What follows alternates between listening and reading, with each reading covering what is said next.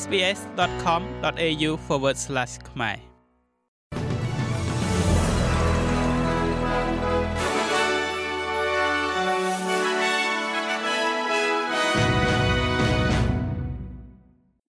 សូមស្វាគមន៍មកកាន់នេតិព័ត៌មានខ្លីៗរបស់ SPS ខ្មែរសម្រាប់ថ្ងៃច័ន្ទទី21ខែសីហាឆ្នាំ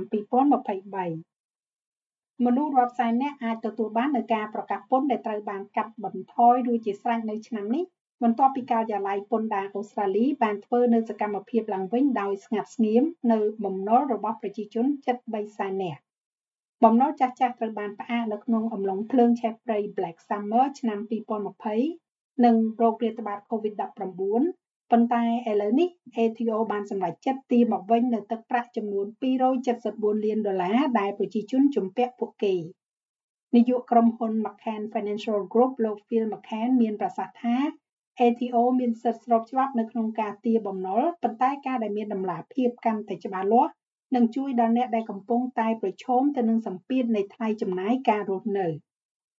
មួយទៀតនោះតកតងជាមួយនឹងវិស័យការពារជាតិរ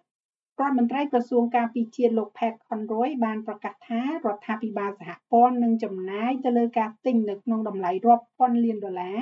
ដើម្បីបង្កើនសមត្ថភាពរបស់កងទ័ពជើងទឹកកងទ័ពអាកាសនិងកងទ័ពអូស្ត្រាលី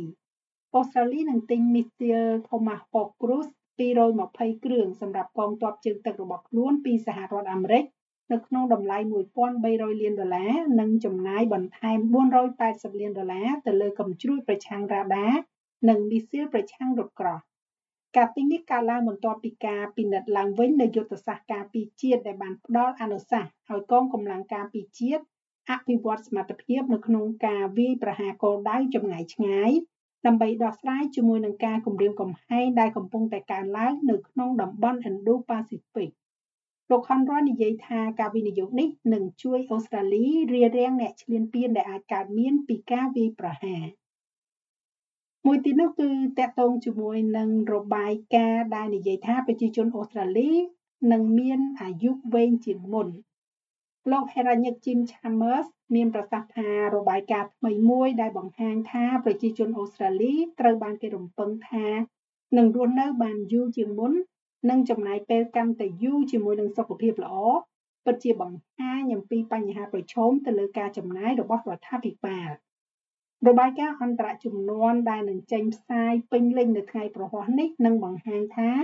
ចំនួនប្រជាជនអូស្ត្រាលីត្រូវបានគេព្យាករណ៍ថានឹងកើនឡើងដល់ទៅ40លាន5សែននាក់នៅឆ្នាំ2062-63របាយការណ៍នេះក៏បង្ហាញផងដែរថាជាមួយនឹងចំនួនប្រជាជនដែលមានវ័យចំណាស់ចំណាស់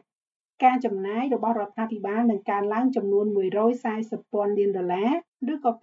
5.6%នៃ GDP ក្នុងរយៈពេល40ឆ្នាំខាងមុខ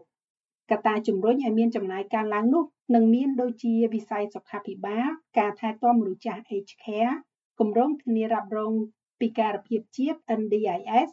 វិស័យការពារជាតិនិងការបង់ការប្រាក់បំណុលលោកបណ្ឌិត Chambers មានប្រសាសន៍ថាការដោះស្រាយជាមួយនឹងការកើនឡើងនៃការចំណាយទាំងនោះនឹងក្លាយជាបញ្ហាប្រឈមហើយរដ្ឋាភិបាលកំពុងធ្វើការរួចហើយអំពីរបៀបដែលអាចធ្វើទៅបាន ចុងក្រោយនេះគឺពាក់ព័ន្ធជាមួយនឹងក្រុមកីឡាបាល់ទាត់នារីរបស់អូស្ត្រាលី Matilda ដែលលោក Chris Min អភិបាលរដ្ឋ New South Wales បានប្រកាសថាផ្ទាំងគំនូរនៅលើជញ្ជាំងថ្មីមួយនឹងត្រូវបញ្ចូលនៅក្នុងកីឡាដ្ឋាន Sydney Olympic Stadium នៅ Home Boost ដែលជាការផ្ដល់កិត្តិយសដល់ក្រុមបាល់ទាត់នារីអូស្ត្រាលីការប្រកាសនេះបានធ្វើឡើងនៅសួនសត្វ Taronga ជាទីដែលលោកអភិបាលរដ្ឋក៏បានប្រកាសផងដែរថា ទារក platypus ដែលត្រូវបានជួយសង្គ្រោះនោះនឹងត្រូវបានដាក់ឈ្មោះថា Matilda